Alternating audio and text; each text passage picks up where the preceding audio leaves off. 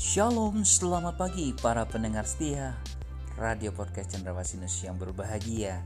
Hari ini kita akan mendengar akan renungan akan firman Tuhan. Biarlah firman Tuhan yang hidup itu akan menjadi berkat ketika Anda mendengarnya Dan rema dalam kehidupan Anda. Selamat mendengarkan firmannya. Tuhan Yesus memberkati Anda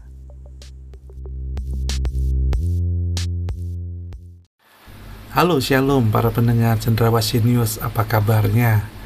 Saudara-saudaraku yang kekasih, firman Tuhan yang terambil dalam kitab Efesus 5 ayat yang ke-18 Demikianlah firman Tuhan. Dan janganlah kamu mabuk oleh anggur Karena anggur menimbulkan hawa nafsu. Tetapi hendaklah kamu penuh dengan roh. Nah, saudara-saudaraku yang kekasih dalam firman Tuhan, kata anggur berbicara tentang kesukaan surgawi atau Roh Kudus.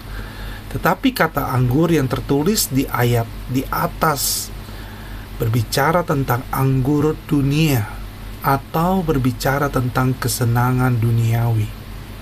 Dan orang-orang percaya tidak boleh mabuk oleh anggur dunia ini atau terhanyut oleh kenikmatan, kesenangan, dan kesukaan yang berasal dari dunia ini, yang sifatnya hanya sesaat atau sementara saja. Saudara-saudaraku, Rasul Paulus menasihatkan agar saya dan saudara senantiasa penuh dengan Roh Kudus. Kehidupan rohani kekristenan kita yang sejati adalah kehidupan yang sepenuhnya dipimpin oleh Roh Kudus. Dan Roh Kudus diberikan kepada orang-orang percaya untuk mengasuh orang percaya juga supaya roh manusianya menjadi kuat. Dan sehingga saya dan saudara beroleh kesanggupan untuk melakukan kehendak Tuhan. Nah, saudara-saudaraku, para pendengar Cendrawasih News, kita juga harus menjadikan firman Tuhan sebagai makanan rohani setiap hari. Nah, inilah yang menimbulkan rasa haus dan lapar akan kebenaran. Firman Tuhan dalam Yesaya 32 ayat 17 katakan di mana ada kebenaran, di situ akan tumbuh damai sejahtera dan akibat kebenaran ialah ketenangan dan ketentraman untuk selama-lamanya. Bila hidup saya, bila hidup saudara dipenuhi dengan Roh Kudus, dari dalam hati kita akan mengalir sukacita surgawi, sehingga kita dapat berkata-kata kepada yang lain dalam puji-pujian, dalam kidung kesukaan, dalam nyanyian rohani, bahkan bersorak bagi bagi Allah kita dengan segenap hati. Bahkan mengucap syukur senantiasa atas segala sesuatu.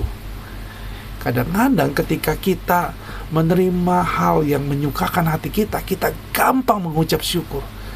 Tapi ketika kita menerima sesuatu yang kita tidak inginkan, berat rasanya untuk mengucap syukur.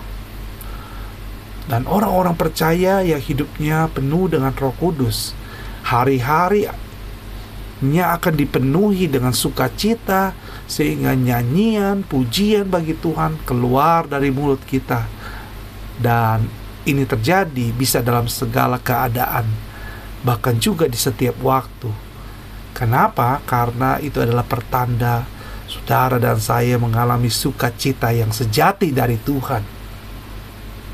Kita bisa bersuka cita bukan karena berkat-berkat jasmani saja, bukan karena kita punya uang yang banyak, melainkan karena hari keselamatan yang telah Tuhan jadikan bagi kita di dalam Kristus, dan dosa-dosa kita telah diampuni Tuhan.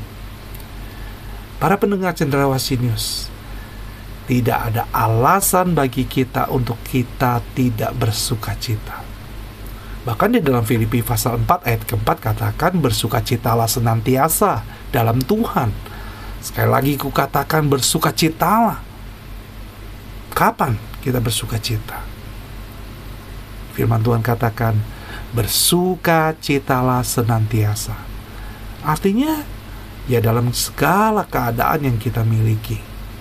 Saudara-saudaraku yang kekasih, hidup yang dipenuhi dengan roh menghasilkan sukacita sejati.